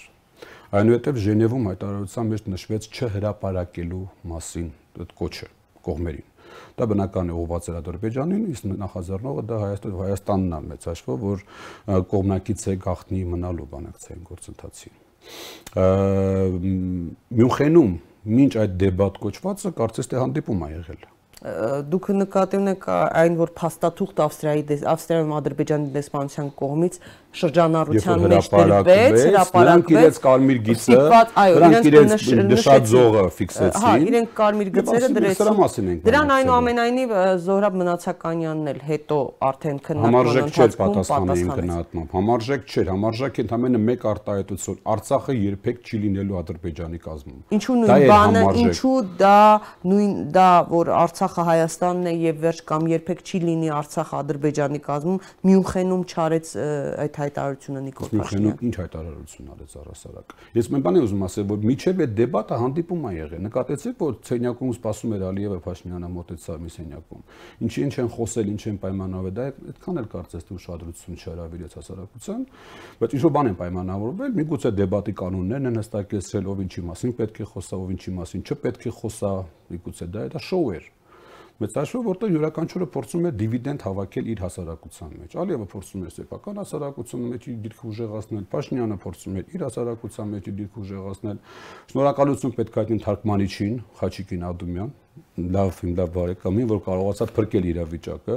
որտեղ այնպես էր ձևափոխում եւ լրացնում անգլերենով արտահայտված տեքստը, որ հայ հանրությանը ներկայացած բավական գրագետ եւ սիրուն կառուցված միտք։ Իրականում դա այդպես չէր անգլերենով։ Լրիվ ուրիշ բան էր անգլերենում Թարգմանիչը կարողացավ շփվել իրավիճակը։ Ինչևէ, Արցախի շուրջ ընթանում են լրջագույն գործընթացներ։ Եվ մենք պետք է պատրաստ լինենք ցանկացած զարգացումների։ Եվ ես հույս ունեմ, որ Արցախի մարտի 31-ին կայանալիք ընտրությունների ժամանակ տեխնացուները կցուցաբերեն առավելագույն զսպվածություն, հասկանալով, որ Արցախը ներքին անկայանության հարթակ չի կարող դառնալ եւ Արցախի հասարակության միաստությունը եւ հայկական Հայաստանի Հանրապետության թիկունք լինելը իր կրծեր եղբորը դա մեր միասնական մեկ ընդհանուր միասնական հայկական պետության գոյության եւ զարգացման միակ երաշխիքն է հնարավոր է կամարում պատերազմը տան այս տաղավարում Կարծիքներ են հնջել, որ կարող է լինել ընդ որում երկու կողմից, եւ Նախիջևանի կողմից եւ Արցախի կողմից։ Նախիջևանի կողմից ես փոքր ավելի զգուշ կլինեի, որտեղ դա Հայաստանի Հանրապետությունն, իսկ Հայաստանի Հանրապետությունն ինքը գտնվում է հապկի տարածքում եւ կա ուղիղ պարտավորություն ապահովել Հայաստանի Հանրապետության անվտանգությունը, եւ որ պայն Հայաստանի իշխանությունը դիմեց հապկին, անմիջապես պետք է ստանա պաշտպանությունը, դրա հնարավորությունները կան։ Արցախի պարագայում ոչինչ բացառել չի կարելի, հատկապես տագնապալի են գործընթացները։ Շատ տագնապալի եւ մենք պետք է ամեն րոպե գտնվենք մարտական բարձր պատրաստվածության վրա յուրաքանչյուր րոպե սпасելով ցանկացած ագրեսիայի ճշտամու կողմից եւ գիտեք եթե դուք հիշում եք Տրամպը ճանաչեց Գոլանի բարձունքները Իսրայելի տարածք հիմնավորումը հիշում եք ինչն էր երկու հիմնավորում բերվեց որ Սիրիան այդ տարածքները կորցրել է սեփական ագրեսիայի հետևանքով եւ երկրորդը այդ տարածքները կենսական նշանակություն ունեն Արցախի անվտանգության համար, Իսրայելի անվտանգության համար։ Դա հիմք դարձավ, որպեսզի Սիրիայի միջազգային ճանաչված տարածքում գտնվող կոլոնի բարձունքները պաշտոնապես ճանաչվեն Իսրայելի մաս։ Ինչով է տարբերվում դա Արցախից։ Ինչի դրա մասին չխոսվեց, որպես անալոգ, որ կա միջազգային պրակտիկայում նաև նման դեպք։ Երբ որ ադրբեջանական ագրեսիայի արդյունքում Ադրբեջանը կորցրեց տարածքներ, Եվ այդ տարածքները կենսական նշանակություն ունեն Արցախի անվտանգության համար։ Այո թե ոչ։ Իհարկե։ Ինչի դա չի օգտագործվում։ Ես չեմ կարծում, որ արտաքին գործերի նախարարը չունի այդքան դիվանագիտական փորձ, պատրաստվածություն։ Ես ճանաչելով իրեն կարող եմ ասել, որ նա յուրաքանչյուր իրավիճակում պահի իրականում համարժեք իրավիճակին։ Համարժեք էր Յակոմինսկի խմբի համանախագահների Անկարայում հանդիպմանը Մևլութ Չավշօղլուի հետ Թուրքիայի արտգործնախարար, երբ նա Twitter-ում գրառում կատարեց, հողում կատարելով Ավետարանին համարժեք էր դա նույնիսկ եմ ուզում կրկնել. Արտաքին գործերի նախարարը կառավարության անդամ է որը ենթարկվում է կառավարության ղեկավարի եւ իշխանության քաղաքական գծին թողին իրեն ինքը որոշեր ինքը ինչ պետք է աներ, դա բացարձակ հայեցողության սահմաններում բնար, ես վստահ եմ կլիներ շատ ավելի համարժեք եւ կոնկրետ պատասխան։ Բայց տեսնում եք, որ չի, չի լինում։ Նաեւ այդ հարթոկը, որ տեղի ունեցավ Բրիտանիայում, իսկ այնտեղ էլ շատ շատ պրիմիտիվ հարցեր էին, որոնց կարելի է շատ կոնկրետ պատասխաններ տալ։ Դրանք չհնչեցին։ Չավշօղլուն հայտարարել էր, որ խնդիրը պետք է լուծվի Ադրբեջանի տարածքային ամբողջականության, ինքնիշխանության եւ միջազգայինորեն ճանաչված սահմանների շրջանակներում Արցախի մասին էր խոսել։ Վտանգ տեսնում եք, որ Թուրքիան կարող է որևէ ձևաչափով ընդգրկվել Ղարաբաղյան հակամարտության կարգավորման գործընթացում։ Իդեպ հետաքրքիր էր, որ այս օրերին adekvat միաբանության ներկայացուցիչները դաշտ Facebook-ում, ցանցում տեղադրեցին եւ հարցազրույցներում նշեցին, որ ժամանակին Արմեն Սարգսյանը, երբ որ ղեկավարում էր մի ընկերություն, նախագահ Արմեն Սարգսյանը, ինքը կողմեր, որպիսի Թուրքիան լինի համանախագահ հող երկիր։ Ճիշտն ասած, այդ դավադրությունների տեսություններին, որ որը որ գիծը որ տարբեր հրապարակել էին մի խոսք Արմեն Սարգսյանից, նախագահը պետք է դիրքորոշումը հայտնի եւ ասի, որ միգուցե արդեն ասել է, ես չեմ հետեւել, չգիտեմ, բայց որ Թուրքիա մշտապես ձգտել է ներգրավել ՄԻԱԿ Միսկի խմբի աշխատանքներին, նաև համանախագահության կարգավիճակով դա եղել է Ադրբեջանի երազանքը, որպեսզի երկու թուրքական պետությունով նրանք հանդես գան բանակցային գործընթացում, դա փաստ է դա փաստ է, բայց մինչ այժմ գոնե մեզ հաջողվել է հերո պահել բանակցային գործընթացը երկու թուրքական պետությունների մասնակցությունից։ Աստված մի արածցե։ Ես չէի ցանկանա որ դա հաջողվեր։ Չգիտեմ, Զորա մնացականը ազգային ժողովում ասել էր դրա վտանգավոր բան չկա եւ Արցախի հետ գործընթացների հետ կապ չի ունենալու։ Այսինքն ԵԱԿ Միսկի խմբի համանախագահները հանդիպում են Թուրքիա արտաքին գործերի նախարարին եւ քննարկում, չգիտեմ, սիրիական խնդիրը։ Չունենք միակ մանդատը Արցախն է։ ԵԱԿ Միսկի խմբի միակ մանդատը, որ այս պայն ունի, էքսկլյուզիվ։ Դա Արցախյան հակամարտությունն է։ Ինչ էին քննարկում Չավուշօղլուի հետ ինչ էր նշանակում Զոհրաբ Նացականյանի այդ ավետարանից տողը գրառում կատարելով ինչ էր դա նշանակում? ինչպես ընկալվեց դա ինչ էր? Ժամանակին Սերգո Կարապետյանը գնահար ասում էին չորանում հա բերքը ինձ անկեղծ ասած այդ ժամանակ դա հիշացրեց ինչ էր դա նշանակում չգիտեմ ասում եմ դժվար անքննելի են գործերը իշխանության բանականության եւ ռացիոնալության շրջանակներում հասկանալ, ընկալել, մարսել, ապա դա մեկնաբանել երբեմն ուղղակի հնարավոր չի։ Ես չեմ կարող ճիշտ ասած, ես ուղղակի անզոր եմ այս параգայում մեկնաբանել թե ինչ էր ուզում ասել Մնացականյանը ցիտելով Ղուկասի ավետարանի մի հատված, որտեղ բուժիր ինքդ քեզ։ Դե հիվանդներ կան, թե կորոնավիրուս էին, բուժում էին, ինչ որ բուժման խնդիր էր դրված ով էր հիվանդ, ում էին բուժում, ինչի համար, միգուցե ժամանակ դա եւ ինքը գիտական լեզուն եւ ինքը կասի, միգուցե ինքը կասի ինչ որ մի բան, թե ինչ է, ինչով է պայմանավորված դա, ես չգիտեմ։ Եվ վերջին հարցը չեք կարծում, որ ստեղծված այս ինչպես ներկայացրեցի կաղետալի աշխարհակաղակական պատերազմից 5 րոպե պարկաս իրավիճակում, նաև տնտեսական կոլապսի դուրը թակող իրավիճակից դուրս գալու համար այս փուլում անհրաժեշտ է համախմբում իրականացնել, ասենք շատ փորձառու կամ թրծված քաղաքական ուժի կամ ուժերի շուրջ այնուհետև ինչ որ քայլեր կատարել, հա, որպես նոր ուժի ղեկավար եմ հարցնում նաև, եւ հարցիս մյուս մասը, բայց կխնդրեմ երկուսին էլ պատասխանեք։ Այսպիսի խոսակցություններ կային, որ հնարավոր է դուք համագործակցեք ազգային անվտանգության ծառայության նախկին տնորեն Արթուր Վանեցյանի նորաստեղծ կուսակցության հետ կամ որ ուժերի հետ հնարավոր համարում եք, թե ոչ։ Ա վերջին հարցից սկսեմ համագործակցությունը քաղաքականության մեջ դա նորմա է եւ հատկապես նոր ստեղծված կուսակցությունների համար գտնել գործընկերներ, ում հետ հնարավոր կլինի զարգացնել համագործակցություն։ Ես հաջողություն եմ աղթում պարոն Վանեցյանին իր նախաձեռնության մեջ կուսակցության հիմնադրման, կլինի կուսակցությունը, կլինի վարչության կազմը, հրապարակվի ծրագիրը։ Եթե կա ընդհանրություններ, նշանակ խոսենք, քննարկենք։ Եթե կան խնդիրներ, ապա կփորձենք հասկանալ, թե ընդհանուր առումով դա ոնց է հնարավոր հաղթահարել։ Այս պայն ասել որևէ բան, որովհետև հայտարարությունների շքերթ է, եւ դեռ տենց գործնական առումով որևէ կոնկրետ քայլ է սպայն դեռ չկա, կլինի քայլը խոսենք դրա մասին։ Համագործակցում ենք նոր ձևավորված գրեթե բոլոր քաղաքական ուժերի հետ, փորձում ենք լինել մշտապես կոնսուլտացիաների մեջ, մեր կուսակցության կուսակցության կուսակցության գաղափարախոսության հիմքը ցենտրիզմը դա քաղաքական բևեռների հավասարակշռումն է եւ ոչ մի պարագայում չբևեռացում այսինքն ներշնական չափի լացվել, մաս չկազմել որևէ բևեռ են, դա քաղաքական ցենտրիզմի այբուբենն է եւ ինք այստեղ ասած ինչ որ մեկի շուրջ միավորվելու եւ բևեռ դառնալու օրակարգ չունենք, դա սխալ է իրականում։ Հատկապես այս իրավիճակում, որ ցանցային է ընթանում պայքարի իշխանության դեմ։ Իսկ ցանցային ամեն մեկը իր, այսպես ասած, այդ յաչեկայից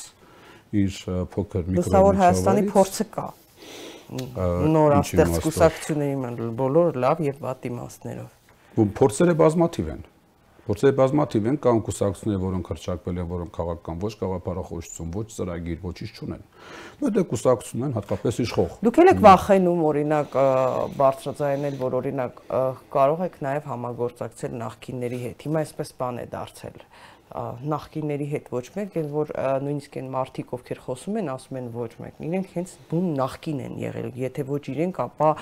իրենց շուրջ եղած շատ շատերը, հա, ու այսպես մի տեսակ բախել են նախկինների հետ ոչ մի համագործակցություն։ Հիմա հատ Նիկոլ Փաշինյանը ներկայա թե նախկին թե ապագա։ Բա ես հիմա բա Ինքը նախկին է, նախկին համակարգի մաս է կազմում։ Ինքը եղել է падգամավոր, ես չեմ եղել падգամավոր ինքը օգտվել է որոշակի արտոնությունից, որ ես չեմ օգտվել։ Ես չեմ ունեցել նախկին իշխանության մեջ որևէ դիրք։ Համագործակցել իհարկե բոլորի հետ։ Նույնիսկ եմ կրկնում, քաղաքական ցենտրիզմի մեկ Հայաստան կուսակցության որթե գրած գաղափարախոսությունն է գտնվել կենտրոնում հավասարակշռման, հակակշռման։ Դե հիմա դուք չեք կարողանալու կենտրոնում, հա, որպես նոր ստեղծվող ուժ։ Ես հիմա ուզում եմ հասկանամ, այդ ում շուրջ, որ գաղափարների շուրջ կարող եք համախմբել։ Պետության, պետականության, պետական եւ ազգային Կա որևէ քաղաքական ուժ նույնիսկ ասենք այդ արդարադատության նախարարությունում գրանցված հսկայական ցուցակի, ասենք վերջին ներորդ նույնիսկ ուժը գրանցված, որ հանուն պետության չի ասում։ Չէ, կան այսպես ընդգծված աճ ուղղվածության, ձախ ուղղվածության, ազգային պահպանողական տարբեր ուղղություն հոսանքներ կան։ Կենտրոնը բնական է դա, այնց հիմնական այն այն օղակն է, որը որ պահում է ազգային պետական շահի վրա իր քաղաքականությունը կառուցել։ Իսկ մեր գաղափարախոսության մեջ պետության կառավարման դոկտրինալ մտամետեք, ռուսամետեք, ինչա՞ մոտ։ Կենտրոնա, պետականա կենտրոն, ֆրանսիան որ մեր քաղաքականությունը կառուցվում է Հայաստանի Հանրապետության ազգային եւ պետական շահի վրա, եւ որևէ այլ շահ ուղենիշ մեզ համար չի հանդիսանալու դա նորմա է, որտեղ չի կարող քաղաքական ցենտրիզմի գաղափարախոսություն կրող ուժը առաջնորդվել օտարերկրյա շահերով կամ օտարերկրյա ծրագրերով։ Մենա, մեր ծրագիրն է Արդեն հաջորդ առաջիկայում որևէ քաղաքական ուժ եթե ստեղծվի ու քաղաքական ակտիվ գործընթացների մեջ ներգրավի, հարցերից մեկը էս այն է լինելու Սորոսին կողմ եք թե դեմ եք, հա, ասենք սկզբից հարցնում էին որ արժեքների կողմնակից եք արևմտյան եւ այլը, հիմա այդ են հարցնելու, հա։ Ցավոք սրտի, այո, որովհետև խնդիրը ինչի առաջացա, որովհետև այդ հիմնադրամը, որի մասին դուք խոսում եք, Հայաստանում ծավալել է գործունեություն մի մի գնահատական տա լավ է թե վատ է դժվար է, որովհետև կա բնականաբար եւ արժե համակարգային եւ որոշակի պրոդուկտիվ աշխատանք։ Հիմնական խնդիրը նա է, որ այն ղեկ քաղաքականացվեց, ինչի իրավունքը չկար։ Եվ օտարերկրյա ֆինանսավորման հիմնադրամների ղեկ քաղաքականացված գործնեությունը իրենց քաղաքասարակություն հրճակելով եւ երկակի երակի ստանդարտների օգտագործումը, որ եթե մի բան արվում է իրենց անցանկալի իշխանությունը դա խայտարակ հանցագործություն է, նույն բանն անում է իրենց սրտի իշխանությունը, ամեն ինչ նորմալ է։ Այս առումով խնդիր կա, այո, իհարկե խնդիր կա։ Եվ պետք է երաշխավորել հատուկ օրենսդրական նորմայով կարգավորել առաջին այդ կազմակերպությունների եւ նրանց ֆինանս կողմից ֆինանսավորվող հասարակական կառույցների ապակաղակական լինելը, երկրորդը առավել խիստ վերահսկողություն սահմանել նրանց կողմից ծախսվող դրամական միջոցների նպատակայնության վրա։ Հատուկ կարգավիճակով, օրենքով որը որ շատ նորմալ է եւ դա Միացյալ Նահանգներում էլ կար տարբեր բազմաթիվ երկրներում։ Դա դա ներքին իմունիտետն է, որպեսզի պաշտպանեն պետությունը օտար շահերի իրացումից։ Հիմա իսկ ասեք, ինչ շահի վրա է գործում այս հիմնադրամը եւ նրա կողմից ֆինանսան։ Դա ազգային պետական շահ չի։ Նրանք բացարձակ իրեն կապ չունեն Հայաստանի ազգային եւ պետական շահի հետ։ Հրճակում են իրենց քաղաքասարակություն, սակայն այնպես են շեղվում իրենց հրճակած գծից, որ ինչ ես հասկանում, քաղաքասարակություն կա թե չկա Հայաստանում այսօր։ Չկա։ Իմ կարծիքով չկա եւ չի էլ եղել եղել են քաղաքական աֆիլիացիա ունեցող հասարակական կազմակերպություններ, որոնք աղմկել են կոնկրետ մի կենտրոնից եկած հրամանով։ Աղմկել են բարեզբոն իմաստով։ Ներկայումս իրանք քաղաքականացվել են, գտնվում են խորհրդարանում։ Նրանք հիմա գտնվում են իշխանամերձ օղակներում, մասնակցում են տարբեր իշխանական պրոյեկտներին։ Չէ՞ որ հասարակական կազմակերպությունների առաքելությունը եւ նպատակն է անկախ մնալ քաղաքական պայքարից եւ հավատարիմ հրճակած արժեքներին ու իդեալներին կամ դու հասարակական կազմակերպություն ես կամ քաղաքական աֆիլիացիա ունեցող մարդկանց խումբ։ Պետք է Սա խնդիր է։ Սա խնդիր է, իրականում խնդիր է։ Դա դա մեր խնդիրն է, դա նախկին իշխանությունների բացթողման եւ ձախողման հիմնական։ Իդեպ նախկին իշխանություններ, որ դուք ասացիք, դուք նախկին իշխանություն չեք։ Նիկոլ Փաշինյանի համար, Նիկոլ Փաշինյանի համար դուք եք նախկին, հա, որովհետեւ ձեր հայրը նախկին իշխանությունների ներկայացուցիչ է։ Հիմա բոլորին, հա։ Որտեղ Ասեք մի պաշտոն, երբ որ ինքը պաշտոն չի զբաղեցրել, բայց ամեն դեպքում, ասենք, բուհի ղեկավար է եղել երկար տարիներ, սահմանադրական փոփոխությունների հանձնաժողովում է եղել, այլ։ Դուք գտնում եք, որ սահմանադրական փոփոխությունների հանձնաժողովում ընդգրկվել է։ Դե այո, Նիկոլ Փաշինյանը այդպես է գտնում։ Եվ միակ անգամն է եղել, որ հրաապարակավ դեմ է արտահայտվել խորհրդարանական կառավարման անցնելուն իմիջալոց։ Սկզբունքորեն դեմ էր։ Եվ ուղղակի ասեմ, ես այսօրվա գործող իշխանությունների դուք եք նախքին, այնպես որ բոլոր նախքին են։ Ես չգիտեմ, մենք ունենք կենսագրություն, յուրաքանչյուրն ունի կենսագրություն, անցած ճանապարհ։ Եկեք փորձենք հասկանանք այսօրվա իշխանության կարկառուն ներկայացնողի անցած ճանապարհը, ինչ հետագիծ ունեն։ Ինչով են զբաղվել, երբևէ product արտադրած կան, ինչ որ մի բան հաջողության պատմություն ինչ որ մի product լավ ինչ որ մի բան լավ ասենք կարելի է չէ 20 տարի իշխանությանը քննադատել աշխարհի բոլոր մեղքերի մեջ մեղադրել դա հաճելի է լսել իհարկե մարդիկ դժգոհ են լսում են ընդունում են բայց մեկ անգամ կարելի է երկու էջանոց առաջարկություն մշակել խնդրի լուծման վերաբերյալ խնդիրը པարզ է կա իշխանությունը սխալ է անում ունես դու պատկերացում ինչ է պետք անել երբևէ 20 տարվա ընթացքում երկու էջ առաջարկած կաս, որ եկեք սա չանենք, սա անենք։ Որևէ խնդրի լուծման շուրջ մտածած այս իշխանությունը կա, ինչպես լուծել այդ խնդիրը, բացի կոռուպցիայի մասին խոսելուց։ Ես չգիտեմ։ Ինչ հիշեցրեք, կարող է ես մոռացել եմ, կարող է չեմ հիշում։ Չի լինում այդպես։ Դա անդիմություն չի։ Անդիմություն ասում իշխանություն դու այս գործը սխալ ես անում։ Մենք ունենք ճիշտ տարբերակը թող ընտրողը որոշի կամ իշխանության գործն է ճիշտ, կամ իշխանության կամ մյուս ծրագ առաջարկությունն ընդդիմության։ Բայց if ընդդիմությունը չի առաջարկում ոչինչ եւ բացառապես մեղադրում է իշխանությանը սխալ քաղաքականություն վարելու մեջ, ապա դա արդեն կոնստրուկտիվիզմի բացակայությունն է եւ խնդիրների մասին խոսելու մոլուցք, այդ խնդիրներին լուծում գտնելու փոխարեն։ իրենք իրենց էլ են քննադատում։ Օրինակ, տեսեք, երբ որ կորոնավիրուսի աղմուկը բարձրացավ Հայաստանում, արդեն մարդիկ գրում էին, որ պետք է փակել սահմանը Իրանի հետ, այնտեղ դեպքեր կան, մասնակի բոլորը նախ ասում էին, որ խոճապ է առաջացնում ազգային ժողովի փոխնախագահ, նախարարներ եւ այլն ասում էին խոճապ է առաջացնում այ որպեսի հանրակրվեին մարդ չգնա։ Երբ որ արդեն Կիրակի օրով Նիկոլ Փաշինյանը լայվ է մտնում եւ ասում է, որ պետք է օթանավակայանը մասնակի, օթային թռիչքները մասնակի սահմանափակել, նաեւ բեռնափոխադրումները Իրանի հետ սահմանը մասնակի մասնակիացնել աշխատանքը, հիշում եք, գնաց հետո դեղատներ Բոլորը գիտեին հանրապետությունում, որ դիմակներ չկան։ Գնաց հայտնաբերեց, ասես դիմակներ չկան, բայց լուծում ինչ է որը։ Չկա, լուծում չի առաջարկում։ Այսինքն լուծումը այն կլիներ, ես կարծում եմ, որպեսի դիմակներ արդեն լինեին, եւ ոչ թե ասենք թե հատը 300 դրամով կամ ավելի գնով պետական ռեզերվում լավ մի հաստամ էլի իրենց աշխատանքն էլ են քննադատում չկա դիմակներ ֆորս մաժորային իրավիճակում պետական ռեզերվը որը պահպանում է դա ծորենի դա ալուրի դա որոշակի ապրանքներ են որոնք պահվում են ռեզերվում նման իրավիճակներում հանրության անվտանգությունն ապահովելու համար հիմա հարց եմ ուզում տա մեր իշխանությանը դուք պատրաստ եք արդյոք համաճարակի առավել լայն տարածման ունեք պահեստավորած արդյոք բավարար թվով դիմակներ եւ բավարար թվող ախտահանող նյութեր, որով հնարավոր կլինի կանխել համաճարակի տարածումը թե ոչ։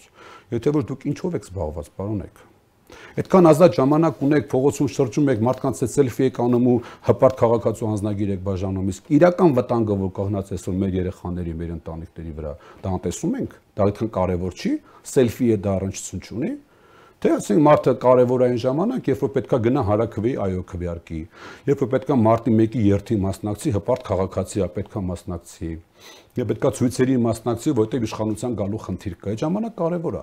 Բայց երբ որ դու պետք է ապահովես այդ նույն մարդու առողջությունը, այդ նույն մարդու անվտանգությունը, բարեկեցությունը, եկամուտները, արդեն դե հիմա դե կաշխատենք, քննարկենք, տեսնենք ինչ անենք։ Դա առողջապահության նախարարը շատ օգտակար խորհուրդ տվեց մարդկանց կոչ արեց հորդորեց չհամբուրվել բարևելուց, չգրկել միմյանց պաշտպանվել։ Իդեպ ես Լիբանանից էի վերադառնում, ինձ նույնիսկ իմ գործընկերները հարցրեցին ստուգում էին եւ ընտակություն, որտեղ Լիբանանում էլ հայտնաբերվել են բավական դեպքեր, որևէ բան չկար, այդպես սպիտակ համազգեստով ինչ որ 1-2-ը շրջում էին, բայց բան չարվեց, որ խորհուրդ է տալիս կովին կովին կթելուց առաջ Կուրսկը գոլ ջրով լվանալ։ Մոտավորապես նույն տրամաբանության մեջ բոլորը խորհուրդ են տալիս այս երկրում։ Հա գործանող կա թե չկա։ Ինչ որ մեկը աշխատելու է, թե չէ այդ խնդիրների ինչ որ մեկը լուծում տալու է, թե չէ։ Եվ ինչքան կարելի է մարդկանց շոուներով զբաղացնել։ Քանի դեռ զբաղեցվում են այդ մարդիկ, դա ընդունում են, քանի մեր դեռ կան մարդիկ, որոնք հավատում են դրան, միշտ կլինեն։ Դա մեր քաղաքացիներն են, որոնց պետք է հարգել էմոցիաները հարգել, են հարգում։ Իհարկե պետք է հարգել, դա դիրքորոշում է, իհարկե։ Շնորհակալ եմ պարոն Ղասիմյան հետաքրքիր զրույցի համար, այսպես քաղաքականությունից մինչև կորոնավիրուս։ Բարի գիշեր, կհանդիպենք հաջորդ թողարկման ընթացքում։